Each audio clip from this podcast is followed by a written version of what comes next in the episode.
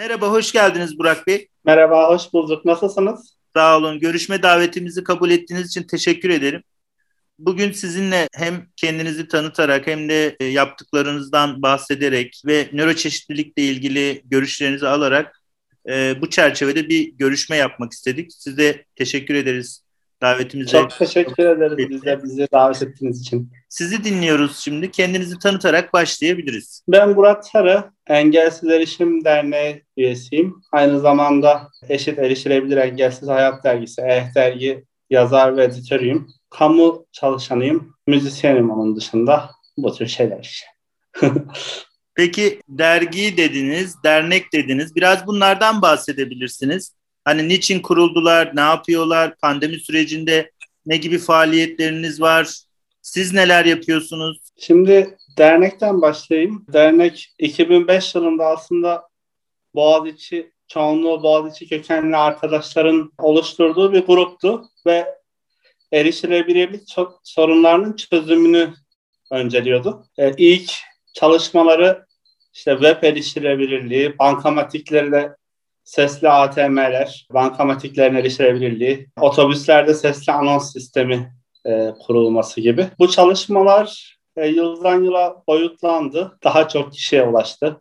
Tabii ki aramıza yeni yeni katılımlar oldu. E, 2010'lardan sonra artık dernekleşme ihtiyacı duyduk. Engelsiz Erişim Derneği bu şekilde kuruldu. Sadece erişilebilirlik çalışmalarıyla ilgili değil. Yani kültür sanat faaliyetleri var. Bünyesinde radyosu var. Keza Eh dergi yine derneğimizin bünyesinde çıkıyor. Her sene bir bilgi yarışması, Selen Özel adına bir bilgi yarışması düzenliyoruz ve Ekim ayında Beyaz Baston Festivali düzenliyoruz. E, buradaki bu etkinliklerdeki birinci amacımız biz hat temelli bir derneğiz ve engelliliği bir yeti farkı olarak görüyoruz biz. Yani bir eksiklik olarak görmüyoruz. Ortada bir engel varsa engeli sistem koymuştur, toplum koymuştur. Yani erişilebilir olmayan sokaklar, iş yerlerindeki mobbing, okullardaki ayrımcılık, toplumun ön yargıları ve erişilebilirlik, çevresel erişilebilirliğin eksikliğinden kaynaklıdır. Bunun üzerinden çalışmalar yürütüyoruz. Bu eksiklikleri gidermek, bunları değiştirmek üzerine e, faaliyetlerimiz var. Dergiyi anlatayım biraz da. E, EH dergide 2014 Mart'ında kuruldu. Aslında birçok kişinin e, ortak hayali bir anda bir arkadaş ortamında birisinin dillendirmesiyle gerçeğe dönüştü. Yani benim şahsen e, kendimin öyle bir hayali vardı yani bir dergimiz olsa neydi olur diye düşünüyordum ve bu hayali paylaşan arkadaşlarımız da varmış ve bir arkadaşımız keşke böyle bir şey yapsak dedi. Toplandık ne yapabiliriz diye düşündük. Bir web sitesi açmak ve bunun üzerinden dijital bir dergi yayınlamak fikri oluştu. E, bu tartışmalar sırasında yani nasıl bir dergi olmalı,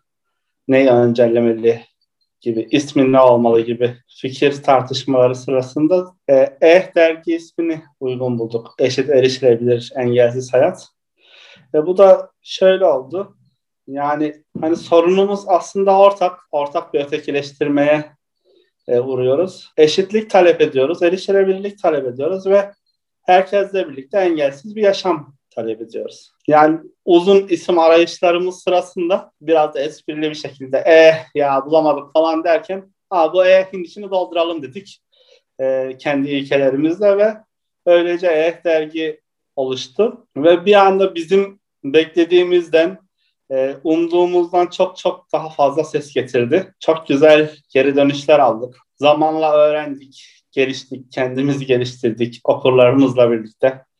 Ee, okurlarımız konuk yazar oldular. Ee, yazılarıyla beslediler bizi. Yazılarıyla, eleştirileriyle, paylaşımlarıyla. 2014'ten bu yana devam ediyoruz çalışmalarımıza. Ee, bu arada Eh Dergi demişken Mart ayında Eh Dergi'nin yeni yaşını kutladık. Ee, bunda, bunu da fırsat bilerek bir kampanya başlattık. Bu kampanyadan bahsetmek istiyorum. Artık sosyal medya kullanmayan kimse yok. Zaten e, bütün artık haberler, edebi eserler, her şey sosyal medya üzerinden yayınlıyor. Ve aslında sosyal medyayı erişilebilir kullanmak, yani erişilebilirlikte sosyal medyada adımlar atmak çok basit bir şey ama nedense insanlar bunu yapmayı tercih etmiyorlar. Mesela e, bir örnek vermem gerekirse herhangi bir paylaşımlarında görsel kullandıklarında resim e, buna bir açıklama, betimleme eklemiyorlar. Oysa Twitter'ın betimleme, açıklama yazma yeri var ve bu kesinlikle oradaki karakterden yemiyor. Bin karakterlik bir alan var. Buraya betimleme ya da görselde ne olduğuna dair bir açıklama yazılmış olsa biz de orada anlatılmak isteneni anlayabiliriz. Çünkü bazen artık tartışmalar bile o fotoğraflı yazılar üzerinden dönüyor. Hani bir, bir tartışmayı takip etmeye çalıştığımızda sürekli karşımıza direkt açıklamasız resimler çıkıyor. Hani biz onu ek uygulamalarla, alternatif uygulamalarla falan çözebiliyoruz ama ekstradan zaman alıyor. Zaman almasından ziyade sonuçta eşit e, bir şekilde kullanmak istiyorsak o platformu e, hepimiz birbirimizin ihtiyaçlarını da gözetmek durumundayız. Bu amaçla böyle bir çalışma başlattık. E, bu da beklediğimizden daha çok ilgi gördü. Zaten hani kör arkadaşlar bu durumdan gayet müzdarip de biz de öyleydik. E, gören arkadaşların çoğu da destek verdiler. Yani beklediğimizden de çok destek gördük. Tabii kulak tıkayanlar da oldu her zamanki gibi. Ama özellikle hani e, kamu kurumları olsun, işte dergiler, dernekler, tüzel kişilikler olsun, firmalar olsun bunu yapmaları gerekiyor. Yani e, bireysel olarak insanlardan bunu isteyebiliriz ama bir yere kadar isteyebiliriz. Sonuçta hani yapmak istemezse de kendi hesabı. Ama kamusal bir hesapta her hesapta olmalı bu. Bayağı güzel geri dönüşler aldık. Yani insanlar eklemeye başladılar açıklamaları. E, hatta bu bizi motive etti. Açıklama ekleyenleri de ekleyenlere de teşekkür edelim dedik. E, başka bir etiket daha ekledik. Yani körler burada görseli açıklaydı bizim etiketimiz. E, bu tweet erişilebilir diye bir de teşekkür etiketimiz var. Böyle bir çalışma yaptık. Sizin sorularınız üzerinden devam edebiliriz aslında. Çünkü ben e, sizden soru bekliyordum. Bir anda çok mu konuştum diye bocaladım kaldım böyle. Bu şekilde devam edelim. Aklınıza gelenleri öncelikle paylaşmanızı rica ediyorum. Sosyal medyayı aktif bir şekilde kullanıyorsunuz. İşte bu hafta da e, engellilik haftası olarak geçiyor. Neler düşünüyorsunuz? Neler farkındalık anlamında size gelen nasıl yansıyor bu süreç? Biraz bunlardan bahsedebilirsiniz. Aslında o günler e, bizim için çok fazla anlam ifade etmiyor. Yani sadece farkındalık yaratmak için fırsat olarak görüyoruz biz onu. E, ama farkındalık ne kadar yaratabiliyoruz o da çok tartışılır bu, bu tür günlerde. Çünkü biraz daha böyle popülist şekilde yürüyor toplumda o iş. Yani biraz daha sağlamcı, üstenci, farkında olarak ya da olmayarak bir bakış açısıyla paylaşımlar yapıyorlar. Engelli kardeşlerini ne kadar sevdiklerini, onların ne kadar şirin olduklarını vesaire e, gösteren ve bizim tabii ki bu arada e, öfkeli ve bilinçli e, paylaşımlarımız çok rağbet görmüyor işin gerçeği. Çünkü şöyle bir gerçeklik var. Farkındalık yaratmak istediğimiz e, konuların muhatapları kendileri aslında orada engelliler gününü kendilerini göstermek için ya da haftasını kullanıyorlar. Yani bunun üzerinden hani bir şekilde var olabiliyorlar ama amaç farkında olmak değil. Yani bir farkındalık kazanmak değil. Tabii ki herkes için değil ama genel olarak durum böyle.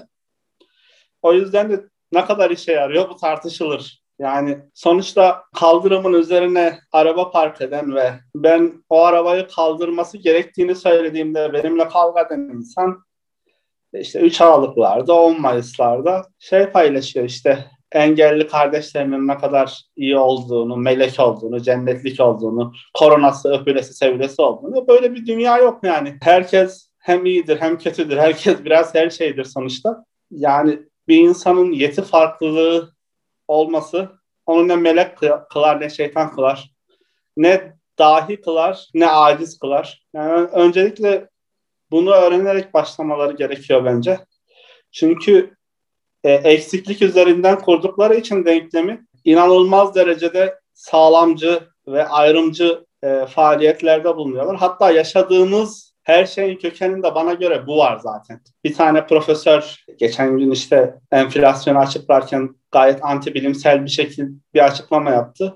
Ve ilginçtir nasıl ne şekilde bir açıklama e, yapmayı düşündü, planladı bilmiyorum ama oradan engellilere getirdi konuyu ve engellilerin e, toplum üzerinde yük olduğu gibi ailelerinin bunu kullandığı gibi saçma sapan bir mantıkla yola çıktı. Bu tamamen bir sağlamcılığın, e, engellileri aciz olarak görmenin yani yeti farkı olan insanları bir ürünüdür. Bunda tabii ki e, karşılıklı bir durum var. Yani bu maalesef toplumun bir kısmında e, söylediğinin karşılığı var. Yani şöyle karşılığı var. Maalesef onun gibi düşünüyor. Çünkü e, gücü gücü yetene bir toplum olduğu için yani normalde sosyal devletin yapması gereken şey zaten hani ne kadar yapılıyor yapılıyor o da tartışılır ama yani işte e, insanların ihtiyaçlarını belli ihtiyaçlarını karşılamak yani çünkü e, şey biz zaten şöyle bir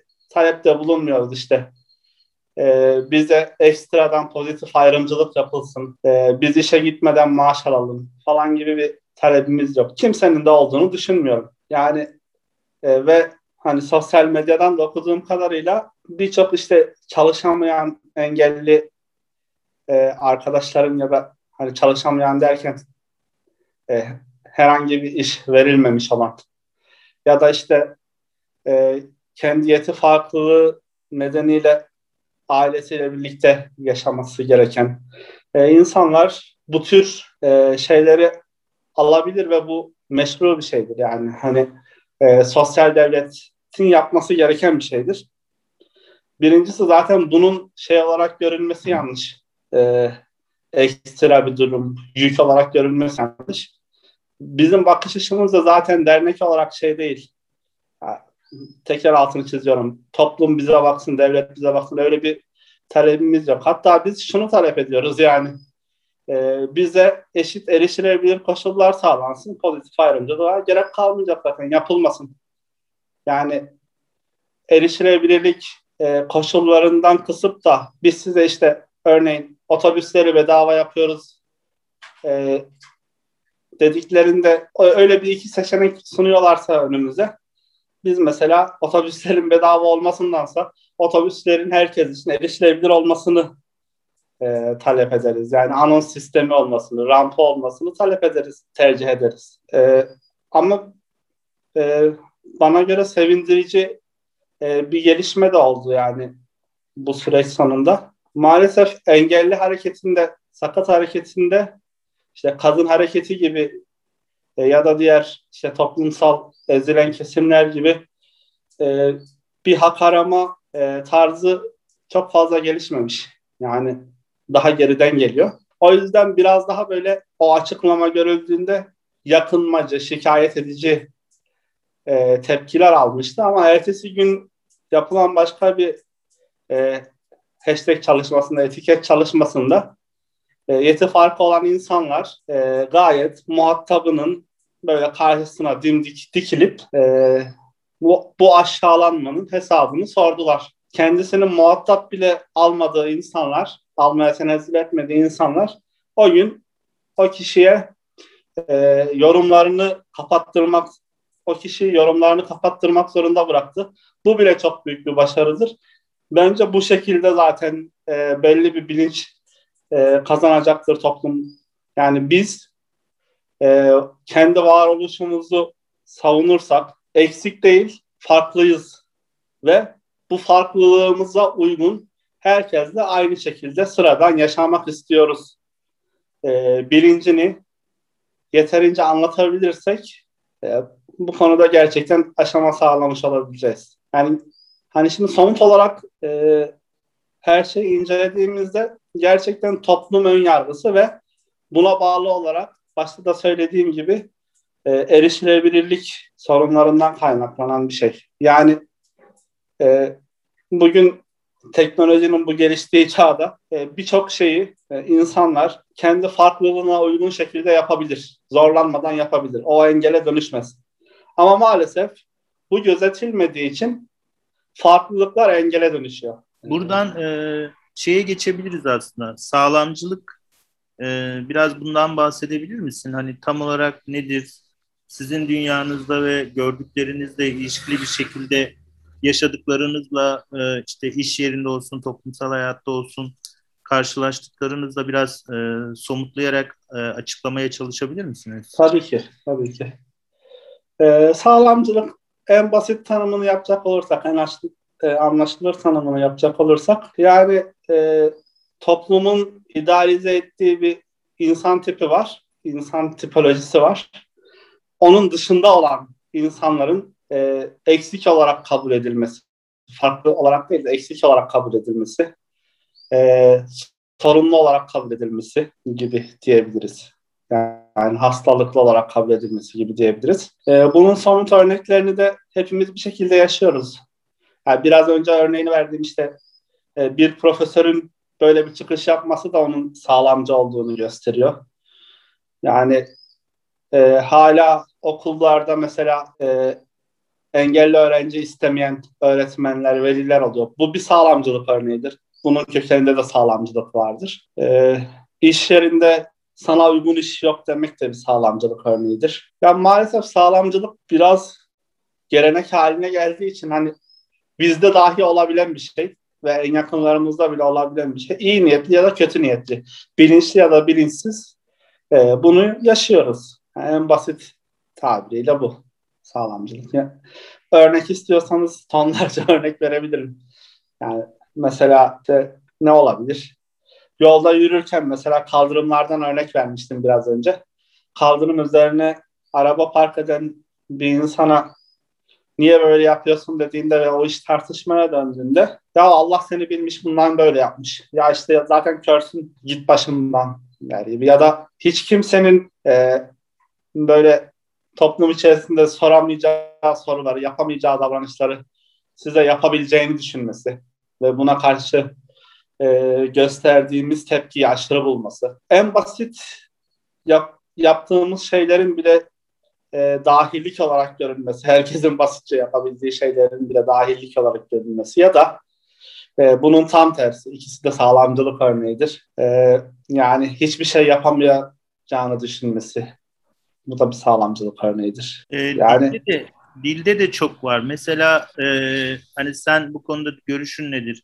Engelli, özürlü, ne bileyim işte kör, sakat, işte yetersiz, ne bileyim e, ya da işte otizmli ya da otistik ne bileyim e, dilde de aslında birçok e, sağlamcılık ya da sağlamcılık mı diyebileceğimiz bir sürü şey oluşuyor.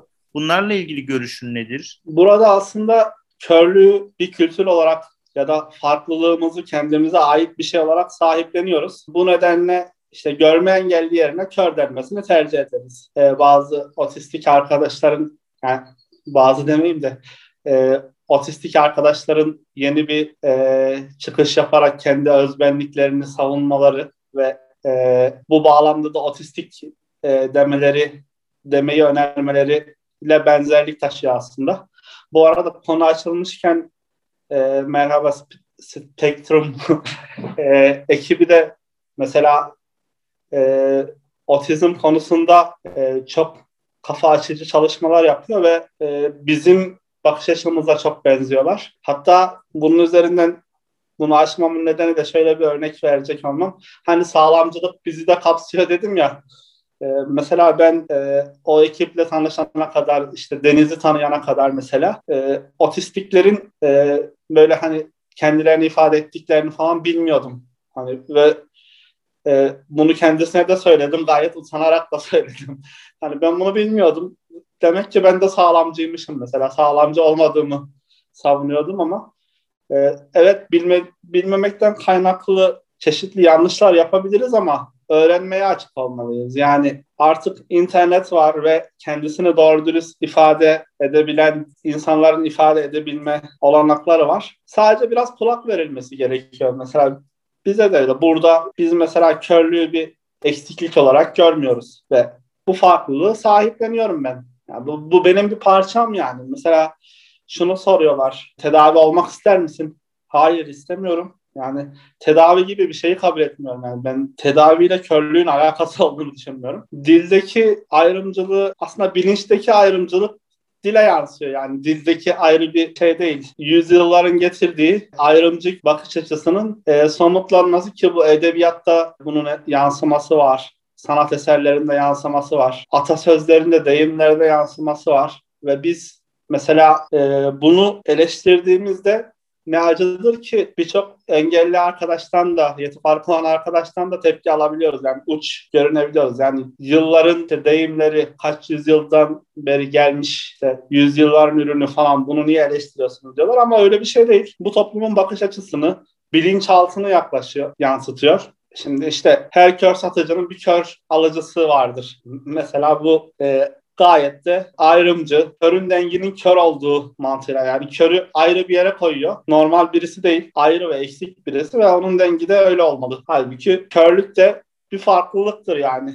Tıpkı başka farklılıklar gibi bir farklılıktır, bir eksiklik değildir. Ayrı bir tür de değiliz biz. E, ama bunu anlatabilme konusunda gerçekten çok başarılı olduğumuzu düşünmüyorum maalesef. Hazır konusu açılmışken buradan da söyleyeyim. Üzerine basa basa da söyleyeceğim. Geçen gün e, Bir Gün gazetesinde bir yazı e, yazılmıştı. Yazının muhatabı engelli değil. Engellilikle alakası da yok. Ama yazının muhatabını yerebilmek için yazar engelliliği kullanmış birçoğunun yaptığı gibi ve inanılmaz bir şekilde rencide edici bir dille böyle muhatabından çok engellileri hakaret ederek ve bir yazı ortaya koymuş. Biz de bunu eleştirdik. Defaatle ben kendim mesela o gün ona yakın tweet atmıştım yazara ve gazeteye. Birçok arkadaş da attı, engelli aileleri de attı. Ve karşılığında aldığımız yanıt bizi hiç şaşırtmadı. Yazar e, bizi bir muhatap bile almadan, bize cevap vermeden kendi yazısını alıntılayıp altına şey demiş. Tam cümleyi hatırlamıyorum ama yani ben kendi iradesi dışında engelli olanları değil, engelli değilken engelli gibi davrananları kastettim. Yani e, çok affedersiniz sıvamış yani bunun başka bir izahatı yok. Ve buna da cevap yazdığımızda ve hatta ben direkt yazının kaldırılması üzerinden yürütmeye çalıştım mesela o konuyla ilgili protestomu. Hani bugün e, binlerce insan tarafından okuyan, okunan bir gazete onlarca yeti farkı olan insanın tepkisine kulak tıkayarak o yazıyı ki bana göre niteliksiz bir yazıydı. Gerçekten hani taşlama anlamında da niteliksizdi. Kaldırmamayı tercih etti. Bu da neyin ürünü? Hala karşısındakini eksik görüyor. Yani yazar, geçen günkü profesörle o yazarın belki ideolojik bakış açısı farklıdır ama belli bir müşteriye ulaştığı şey engelli bakış açısı yani. Sorsak ikisi de e, engellilere ayrım karşı ayrımcı davranmadığını söyler ama ikisi de gayet karşılarına muhatap bile alınmayacak kadar onları yani bizleri e, aciz görmek, işte kendilerinden daha aşağı bir noktada görmek, kendilerini lütfeden, merhamet eden vesaire konumda görmek ve bu utanç verici bir şeydir. Yani bu bu çağda gerçekten utanç verici bir şeydir ki şöyle bir gerçeklik de var. O tartışmayı gören insanların bir sürü insan görmüştür sonuçta. E, yeti farkı olanlar ya da yakınları dışında başka insanların da bu soruna müdahil olmalarını ve o yazıyı kaldırtmalarını isterdim ben açıkçası içinden. Ama burada dediğim gibi hani iğneyi başkasına çuvaldızı kendimize basıyoruz. Bu e, sakat hareketindeki kendini, kendi varlığını olduğu gibi savunamamanın, o kültürün yeni yeni gelişmesinin, tam gelişmemiş olmasının bir ürünü. Yani mesela hiçbir gazete bugün bir şeyi olumsuzlamak için kadınlarla ilgili cinsiyetçi sözleri örnek olarak kullanamaz değil mi? Ya da işte eşcinsellerle ilgili ya da göçmenlerle ilgili. Kullansa aforoz eder herkes onları ve o yazıyı kaldırmak zorunda kalırlar gelen tepkiden. Ama aynı şey, bize yapılan da aynı şey. Hiçbir farkı yok. Özünde hiçbir farkı yok ama e, biz o kadar ses çıkaramadığımız için ve o kadar gür ses çıkaramadığımız için bir avuç kaldığımız için bu bağlamda maalesef bugünlük böyle gidiyor. Yani e, biz de şuna da eminim gerçekten kendi varlığımızı böyle dimdik e, savunabileceğimiz e, bir güce ulaşmadan hem fikirsel olarak hem de nicelik olarak böyle çatır çatır cevabını verecek, böyle binlerce kişi e, o durumun farkında olacak ve o tür şeyleri sayfalarından kaldırtacak kadar onları eleştirecek bir konuma gelene kadar da sanırım biz bunları yaşayacağız. Çünkü dediğim gibi dikkat ederseniz mesela kadınlarla ilgili örnekler vermiş olsaydı o yazar, bir gün yazarı. Birincisi zaten kendi editörleri yayınlamazdı. Kendi gazetesinden tepki alırdı. Çünkü toplumsal tepkiyi biliyor. İkincisi de hadi es kaza yayınlandı. Yani iki saat durmazdı sayfada kalması lazım. Ama çok rahat insanlar bizim üzerimizden e, gayet olumsuzlama yapabiliyorlar. Herkes bir şekilde tepki gösteriyor ama tepki gösterenlerin çoğu böyle daha ricacı, mahcup tepki gösterdiği için ya da şikayet ettiği için olmuyor yani. Hani böyle dediğim gibi başta dediğim gibi muhatabını karşına alarak sağlamcılığa karşı herkesin birbirini savunması gerekiyor. Yani bu aslında sağlamcılıkla diğer ayrımcılık türlerinin arasında hiçbir fark yok. Hatta sağlamcılıkla birbirlerini besliyorlar. Yani bugün o nedenle yeti farkı olanlar örneğin kadın sorununa, göçmen sorununa duyarlı olmalı ve anlamalı, anlamaya çalışmalı. Keza farklı engel grupları da birbirlerini anlamaya çalışmalı ve e, anladıklarında ortak bir dille birbirlerini kim nereden örseleniyorsa koruması, savunması gerekiyor. Yani korumaktan kastım bir himaye etmek değil. Yani güçlü bir şekilde ötekileştirmeye karşı, sağlamcılığa karşı, ayrımcılığa karşı bir dil geliştirmek, bir teori geliştirmek ve mücadele etmek gerekiyor. Bu anlamda mesela bildiğim kadarıyla birçok hani dernek var, vakıf var, federasyon var. Yani otizmlilere zaran daha büyük, gelişmiş, köklü, hani birçok geleneği de olan kurum, merkez, vakıf da var. Buna rağmen sanırım orada da e, iki farklı anlayış egemen gibi görünüyor. Birincisi bundan rahatsız olanlar, ikincisi bunun böyle sürmesi gerektiğini düşünenler galiba. Katılıyor musun buna? Ben büyük oranla katılıyorum. Böyle sürmesini tam anlamıyla istemeseler bile o geleneksel bakış açısı onları geri çekiyor bana göre. Yani dediğim gibi protesto ediş tarzları bile bana göre sorunlu. Mesela e, o profesörün ilk açıklamasında o ilk açılan etiket özür dile etiketiydi. Yani bu e, nasıl bir sonuç oluşturacak ki? Şimdi iki tarafı da tatmin etmiş olacak ama hiçbir yarayı kapatmamış olacak. Ne olacak? Profesör özür dileyecek. Toplumsal tepki alacağı için ki diledi. Böyle olacağını da zaten bir gün öncesinden e, bu olaya hakim olan herkes biliyordu yani. Hani inanmıştı. Bir kısımda biz özür dilek ama sorun ne? Ne o kişinin e, özrü gerçekten özür ne de onun gibi düşünenlerin bakış açısı değişti. O yüzden mesela ikinci gün gelen tepkiler çok daha e, dik ve olması gerektiği gibiydi. Hani onlara da cevap vermedi ama yorumlarını kapatması bile dediğim gibi e, bir artıydı ve artıydı derken bizim artımızdı tabii ki. Yani onun ileri bir yönü değildi. E, bir de şeydi yani hani biraz daha onun gibi düşünen insanların e, yeti fark olan insanlarla tanışmamış insanların e, bizim orada yazdıklarımızı görüp belki bakış açılarının değişmesi ya da buna aracı olması gibi bir durumdu. Ha işte güncellemesi gerekiyor herkesin, her hareketin, her insanın kendisini mevcut koşullara göre. Yani şimdi bir dönem tıbbi modelin bakış açısına göre hareket edildi ve burada tamamen tedavi amaçlı, e, tedavi odaklı görünüyordu. Bir hastalık olarak görünüyordu e, yeti farklılığı ve bu korkunç bir şey yani şimdi dönüp baktığımızda. Mesela sosyal model buna bir tepki olarak doğdu ve e, çok iyi bir aşama kat etti. Bugün o bile yetersiz kalıyor ama biz maalesef bugün bunları tartışacak durumda değiliz. Yani bir kesim tamamen imtiyaz talep ediyor. Bir kesimde görmezden geliyor. Böyle saçma sapan bir durum ortaya çıkıyor. Yani maalesef şu gerçeklik var. Hani biz nicelik olarak daha azız. Çünkü biz şeyin konforunu istemiyoruz ki yani işte tamam bizi eksik görsünler, bizi himaye etsinler şöyle böyle. Öyle bir şey istemiyoruz ki biz. Yani o an yaşadığımız bir tane pozitif ayrımcılık 100 tane negatif anlamda ayrımcılığı doğuruyor ki zaten temelinde yanlış. Böyle bir şey kabul edemeyiz. Yani biz çünkü eksik değiliz. E, farklılıklarımıza göre dizayn edilmesini istiyoruz dünyanın sadece. Herkesin farklılığına göre. Ve bunu başkalarından da istemiyoruz sadece. Bunu biz yapmaya çalışıyoruz ve bizimle birlikte toplumda bu konuda aşama kat etsin istiyoruz. Yetkililer de bu konuda ellerinden geleni yapsınlar istiyoruz yani. Dediğim gibi erişilebilirlik atla deve değil gerçekten. Yani şu çağda teknolojinin geldiği şu noktada atla deve değil. Ama bugün mesela e, ortopedik engelli bir arkadaşım bir gün iki saat otobüs beklediğini söylüyor mesela e, rampa olmadığı için, asansör olmadığı için. E, ya da bugün hala mesela biz o kadar o sağlamcılık ve bencillik toplumun genlerine işlemiş ki biz e, otobüsleri sesli anons eklensin, eklemek için projeler yürüttük ve bu konuda ilk proje yapan hatta bu konuyu direkt gündeme getiren bizim derneğimizdir. Hatta belediyelerle eşgüdümle birlikte yürüttük.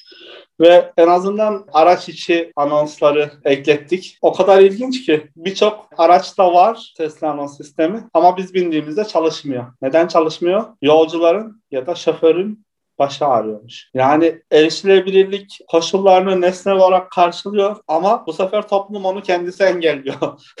ha böyle garip bir durum. O yüzden şunu diretmemiz gerekiyor. Yani bizim istediğimiz hiçbir şey ayrıcalık değil. Erişilebilirlik bir ayrıcalık değil. Yani şöyle belki saçma bir örnek olacak ama bir semtten bir semte geçebilmesi için o araca herkesin ihtiyacı varsa ve araçsız geçemiyorsa bunun adına engelleniyorsa herkes o bağlamda engellidir. Ama o araç var ve bir kısım insan için erişilebilir değilse ve ondan mahrum kalmak zorunda kalıyorsa bu temel ihtiyacından bu ayrıca utanç verici bir şeydir. Bu pandemi koşulları sizin için nasıl geçiyor? Neler yapıyorsunuz? Derneğin işlerini nasıl yürütüyorsunuz? Derginin işlerini nasıl yürütüyorsunuz? Sizler nasıl hani yaşamınızı sürdürüyorsunuz? Şimdi dergi ve dernek için çok fazla problem olmadığı için gerçek. Çünkü e, biz zaten çalışmalarımızı genelde dijital ortamda sürdürdük. Yani iletişimimizi pandemiden önce de o şekilde sürdürüyorduk. Çünkü farklı farklı illerde derneklerin, derneğin üyeleri e,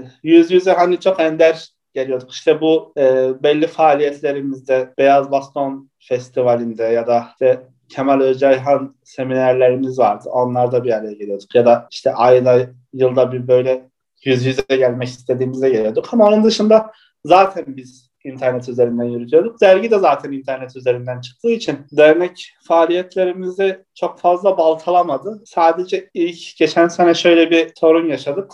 Ee, festivalimizi yapamama yani erteleme ihtimali oldu. Sonra e, bu sürecin bizi o şekilde etkilemesini istemediğimiz için bunu bir avantaja çevirdik ve dijital olarak yapalım. Böyle bir deneyim yaşayalım dedik. Festivalimizi yine yapmış olduk ve hatta şöyle de bir artısı olmuş oldu. Dijital ortamda yapmayı da deney- deneyimlemiş olduk. Şimdi engelliler açısından pandemi süreci nasıldı? Bu buna ben kesin cevaplar veremem işin gerçeği. Şimdi yalan söylemeyeyim. E, çünkü kişiden kişiye, e, kişinin ortamından, yap yaptığı işten işe değişiyor. Derneğe hiç mesela şikayetler geldi mi bu, bu süreçte? Hani ne bileyim şununla ilgili yardım edin, bununla ilgili desteğe ihtiyacımız var gibi. Yani şöyle biz zaten öyle hani maddi yardım yapan ya da farklı amaçlarda yardımlar yapan bir dernek değiliz. Biz hak odaklı bir derneğiz. Ee, şöyle sorunlar tabii ki yaşanabiliyor. Yani işte erişilebilirlik e, koşulları burada da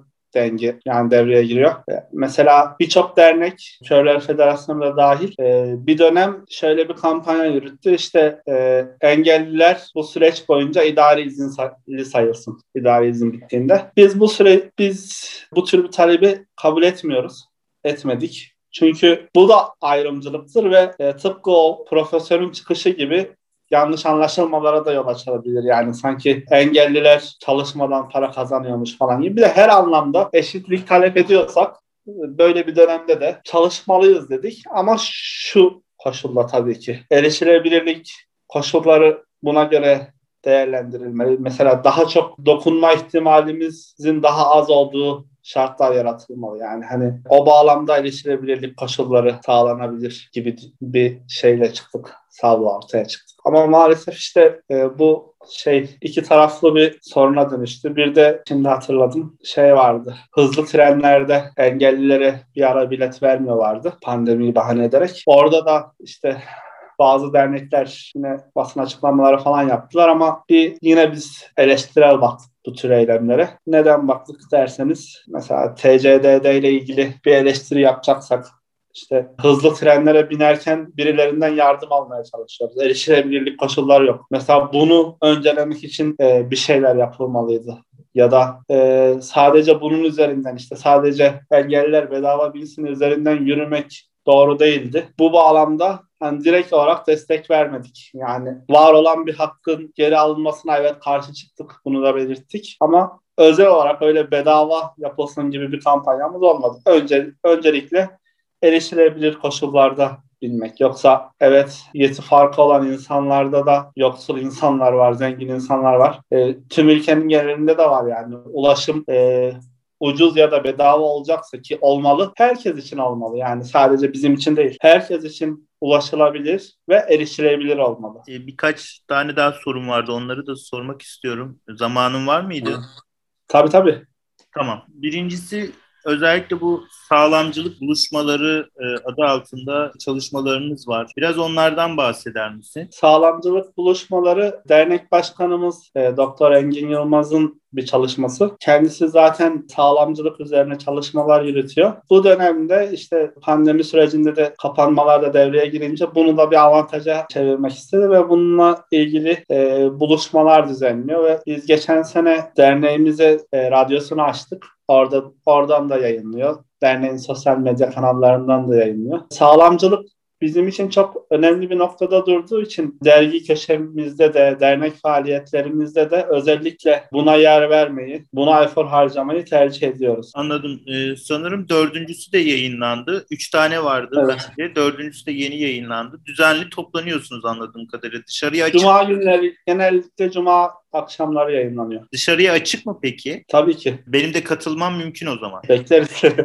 ben isterim gerçekten. Çünkü bu bakış açısını biraz öğrenmeye niyetim var da yani biraz da nöroçeşitlilik bağlamında düşündüğüm için konuyu. Peki sizin diğer farklı alandan otizmlilerle işbirlikleriniz var mı? Onları hani birlikte çalışma alanlarınız var mı? Yaratmayı düşünüyor musunuz? Yaratmayı zaten düşünüyoruz. Şöyle zaten sohbetimizin başından beri onu vurgulamaya çalıştım ya e, yeti farkı olanların ya da farklı anlamda ötekileştirilenlerin birbirini anlaması, ortak hareket etmesi diye. Şimdi bu bağlamda evet çalışmalarımız vardı. Mesela ben özellikle otizm konusunu merak ediyordum.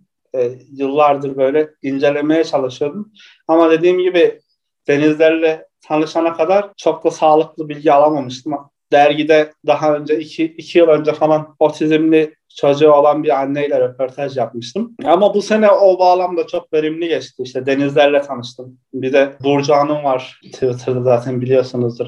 Burcu İpek. Ee, onunla bir röportajımız oldu. E, o da bakış açısı çok güzel bu konularda. E, denizlerle tanışınca biz bayağı böyle bir e, maden bulmuş gibi hissettik ben ilk bildirilerini okuduğumda çok etkilendim işin açıkçası gerçek anlamda. Sanki böyle şey gibi biz yazmışız da bir yerde unutmuşuz gibi, geldi. Tanışmak istedim. Bizim e, yaklaşık iki yıldır bir tane komisyonumuz, komitemiz var dernekte. Düşün, sorgula, üret e, adında. E, Düşün, sorgula, üret, üret komitesinin amacı zaten e, yeti farklılığına yeni teorik bir bakış açısı kazanmak ve bu bağlamda ilerleyebilmek. E, bunun için de çeşitli okumalar yapıyoruz. Sizi de bekleriz bir toplantımıza gelmek isterseniz tabii ki. E, çeşitli okumalar yapıyoruz. Hatta bildiğimiz her şeyle belki mücadele ediyoruz. Bugüne kadar kabul ettiğimiz, doğru bildiğimiz şeylerle de ediyoruz. Çünkü doğru bilgiye o şekilde ulaşabileceğimizi düşünüyoruz. Bu bağlamda da denizleri davet etmiştik toplantılarımıza ve inanılmaz böyle uzlaştığımız noktalar var inanılmaz yani böyle çok rahat birlikte hareket edebileceğimizi düşündük.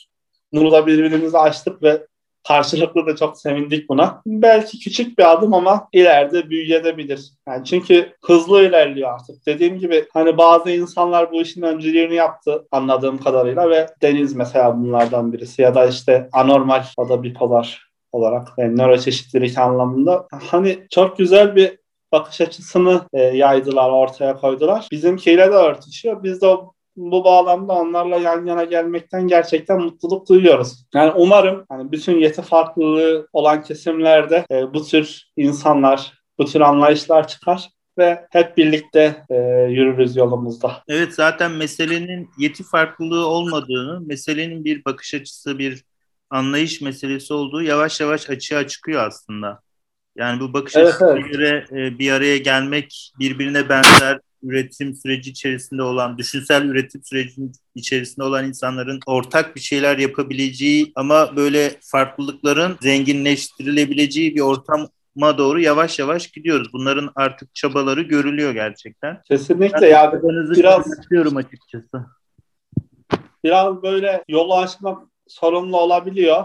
Çünkü kendi içimizden de yeti farkı olan ya da işte onların çevresindeki insanların da böyle geleneksel anlayışlara yaslanıp e, böyle yenilikçi daha böyle ilerlemeye çalışan insanların önüne set çekme durumu da var. Mesela bunu buradan da belirtmek isterim. Beni çok da rahatsız ediyor bir tarafından. Bir taraftan da tabii bakış açısıyla ilgili, baktığın yerle ilgili e, umutlandırıyor. İşte Denizgil'in, Alazgil'in ortaya koydukları şeylere engelli ailelerinden ya da işte bu özel eğitim vesaire çevrelerinden çok kaba belki kırıcı, onları engellemeye çalışan yorumlar okuyorum. E, üzüldüklerini de fark ediyorum, konuşuyoruz böyle arada ama yani hiçbir zaman umutsuzluğa kapılmıyorlar ve inatla da üzerlerine gidiyorlar, bildiklerini söylüyorlar. Bu bağlamda da onların açısından baktığımızda yani bizim açımızdan baktığımızda umut verici bir şey. Evet şimdilik bir avucuz ama bence mutlaka hani e, bizim anlayışımız daha da çok böyle zihinden zihine yayılacak. Çünkü bunu bir eksiklik değil farklılık olarak gördüğümüzde herkes böyle gördüğünde zaten sorunun yarısını çözmüş oluyor. Ondan sonrası zaten o ön yargıları kırdıktan sonra çevresel erişilebilirlik sorunlarına kalıyor ki o da işin en kolayı. Evet, yani onlar, yeter ki onlar kendi dillerini zaten e, yaratma mücadelesi veriyorlar, verecekler. Bunun doğrusu yanlışı yok. Sonuçta onlar da bu süreçten öğrenerek çıkıyorlar, çıkacaklar Evet. diye düşünüyorum. Bence kendi yollarını müc- bulma süreci içerisinde desteklenmeleri gerektiğini ben de düşünüyorum açıkçası. Ya benzer süreçleri biz de yaşadık. Yani sonuçta bize de böyle şey dendi işte bir avuçsunuz vesaire. Çünkü e, tamamen alışılagelmişin dışında bir şey söylüyorsun. Yani yıllardır var olan dernekler belli şeylere alışmışlar. İşte ve birileri çıkıyor hayır diyor. böyle değil yani artık. Devir değişti ki bu, bu da her seferinde gençlerden çıkıyor doğal olarak. Böyle bir süreç yaşanıyor yani. Mutlaka ama kendi deneyimimizden yola çıkarak söylersem mutlaka işaret ettiğimiz yere de gelmek zorunda kalıyorlar. Çünkü hayatın akışı her zaman ileridir ya. yani geriye getiremezsin. Ezberlerle iş yapamazsın. Belki yanlış da yapıyoruzdur, doğru da yapıyoruzdur ama bu işin zaten doğası. Önemli olan e, yeni ve doğru olanı bulabilmeye çalışmak. Peki. Ve kendi kendi özbenliğini, kendi varlığını, kendi farklılıklarını savunabilmek. Peki toparlayalım yavaş yavaş. Genel olarak görüşmede aklınıza konuşmak istediğiniz başka bir konu var mıydı? Onu ele alalım. Toparlayıp yavaş yavaş sonlandıralım. Şunu söyleyeyim ben biraz daha böyle soru cevap gideceğiz diye düşündüğüm için biraz çok mu konuşuyorum dedim ya da işte uzattığım mı falan diye böyle bocaladığım oldu. Hani bu kadar kısa sürede her şeyi anlatabilir miyim bilmiyorum. Ama e, bizim hem faaliyetlerimizin yer aldığı hem yazılarımızın, makalelerimizin yer aldığı siteler var. Onları tanıtayım bitirirken ve mutlaka da incelenmesini isterim. Eh Dergi'nin e, gerçekten Eh Dergi çok büyük bir kolektif emeğin ürünü. Keza dernek de öyle. Ve yani kendimizi güncellemeye, yenilemeye çalışıyoruz. Her zaman güncel olmaya çalışıyoruz. E, mutlaka sayfalarımıza göz atsınlar. Derneğimizin sitesini incelesinler takipçilerimiz. E, oradan bakış açımızı ve faaliyetlerimizi görebilirler. Bu arada e, bir kısmından bahsedeyim hatta faaliyetlerimizin. E, engelsiz eğitim projemiz var. Yaklaşık 7-8 yıldır sürüyor. İşte genelde Kasım ayında falan başlıyor gerçi. Bazı seneler değişiyor. Her sene güncelleniyor. Ne ararsanız var işte. Bilişim eğitiminden bir ara ben bağlama şelpe eğitimi vermiştim mesela. İşte mutfak eğitimine, tamirata kadar, dil eğitimine kadar e, birçok şey var. Evet Japonca eğitim bile vardı baktım ben. Japon evet evet. E, dünyayaseslen.com diye bir sitemiz var. E, onu mutlaka incelesinler. Engelsiz eğitimin bütün kayıtları var orada. Hatta bu sene İspanyolca eğitimi vardı, armoni eğitimi vardı. Daha önce İngilizce eğitimleri oldu. E, her sene devam edecek zaten. Kemal Özceyhan seminerleri var burada. Genelde erişilebilirlik üzerine ya da engellilik üzerine e, verdiğimiz çeşitli seminerlerden oluşuyor. Kemal Özceyhan da e, trafik kazasında getirdiğimiz bir arkadaşımız. E, bilgi yarışmamız var. Selen Özel Bilgi Yarışması. Her yıl e, Mayıs ayında yapılıyor. Tabii pandemi biraz daha e, dengeleri bozduğu için değişik değişebiliyor işte bu yılda zaten açıklayacağız. Selen Özel de e, sakatlık alanında çalışmalar yürüten bir arkadaşımız da onu da kaybettik hastalıktan. Ee, onun dışında radyomuz var. Geçen yıl açtık. E, Engelsiz Erişim Radyosu. E, orada da farklı farklı alanlarda e, programlar var. Mesela benim iki tane programım var. E, birisi Güneşin Sofrası. Orada sanatçıları, edebiyatçıları falan ağırlıyorum. Diğeri Çoban Ateşi. Orada da yine edebiyatçılar üzerine falan çeşitli anlatımlar falan yapıyorum. Onun dışında yaklaşık 10 yıldır hatta 10 yılı da aşkın süredir sevgili Engin Yılmaz ve Adem Uraz'ın e, yaptığı engelsiz erişimli saatler programı var. Yine bizim radyomuzda devam ediyor şimdi. E, bunun dışında işte dergimiz var. Dergiyi zaten anlatmıştım. Yani sitemizden e, görebilirsiniz. Festivali de biraz anlatayım. Festivalimiz de işte Beyaz Baston, Beyaz Baston gününde genelde Ekim ayında e, oluyor. Ama bu şey değil yani hani böyle klasik anlamda e, bir alışıla gelmiş bir etkinlik değil. İşte müzik standlarından tamir standına kadar. Yani normalde biz nasıl yaşıyorsak, e, normalde ne yapıyorsak oraya yansıttığımız, toplumun bize en güzel anlayabileceği yani öğrenmek istiyorsa en güzel şekilde öğrenebileceği e, bir platform oluyor. Onun da tabii ki kanallarımızda şey var, e, kayıtlar var. Onlar oradan takip edebilirsiniz. Seçimlerde erişilebilir oy kullanma e, üzerine yürüttüğümüz çalışmalar var. E, bunu da sitemizden görebilirsiniz. ATM'lerin erişilebilir olabilmesi için yürüttüğümüz çalışmalar var. Sesli otobüs projesi var. E, bunun yanı sıra işte bilişim bilişim ekibimiz var. Sitelerin erişilebilirliği ile ilgili çalışmalar yürütüyoruz. Sitemizden daha detaylı edinebilirsiniz bu şekilde. Çok teşekkür ederim bize yer verdiğiniz için. Ben de teşekkür ederim e, ilginiz için, katılımınız için, e, sosyal medyadaki aktif paylaşımlarınız için. Umarım daha çok kendinizi ve bu bakış açısını anlatabileceğiniz yeni yollar, yeni düşünceleri paylaşabilirsiniz. E, ben de elimden geldiğince paylaşmaya çalışıyorum. E, bu arada Otizm TV ile ilgili söylemek istediğiniz bir şey varsa onu da alabilirim. Ve böylelikle de kapatalım. Teşekkür ederim tekrar. Bence çalışmaları çok güzel. Kitap sohbetleriniz oluyordu bir ara sanırım. Evet onunla Hatta, siz, sizde böyle bir ben de bir sağlam bir. İlk tanışmamız öyle olmuştu ee, sanırım. Evet, evet doğru hatırladım. Sa ilk sağlamcılık deneyimimiz sizinle. evet evet. Yani şeyi telif hak, kitabın telif hakkını koruyacağım diye sağlamcılık yapmıştım. Doğru söylüyorsunuz evet. Ee, tam işte konu açılmışken mesela o tür etkinliklerde özellikle kitaplara ya da filmlere bizim de erişebileceğimiz bir yöntem bulabilirsek biz de katılmak isteriz yani. Ben çok istemiştim mesela o zaman. Ya bu zaten sizin sorununuz değil hani şey kitabın erişebilir versiyonu yoksa ya biz al, alacağız onu tarayacağız, dijital ortama aktaracağız ama bu zaten genel ve mücadele edilmesi gereken bir sorun. Yani şu çağda biz hala niye kitabı alıp da ekstradan bilgisayar aktarmakla uğraşıyoruz. Yani kitabı kimse bize bedava versin demiyoruz ama satın alalım. Dijital olarak okuyabilelim yani. evet haklısınız. Yani öyle tanışmıştık. Evet bu ortak alanı ortak bir şekilde fikirleri bir araya getirip tartıştırabileceğimiz ortamlara çok ihtiyacımız var bence. Kesinlikle. Tekrar dilinize sağlık, emeklerinize sağlık diyorum. Ben çok teşekkür ederim. Görüşme dileğiyle. Kendinize iyi bakın.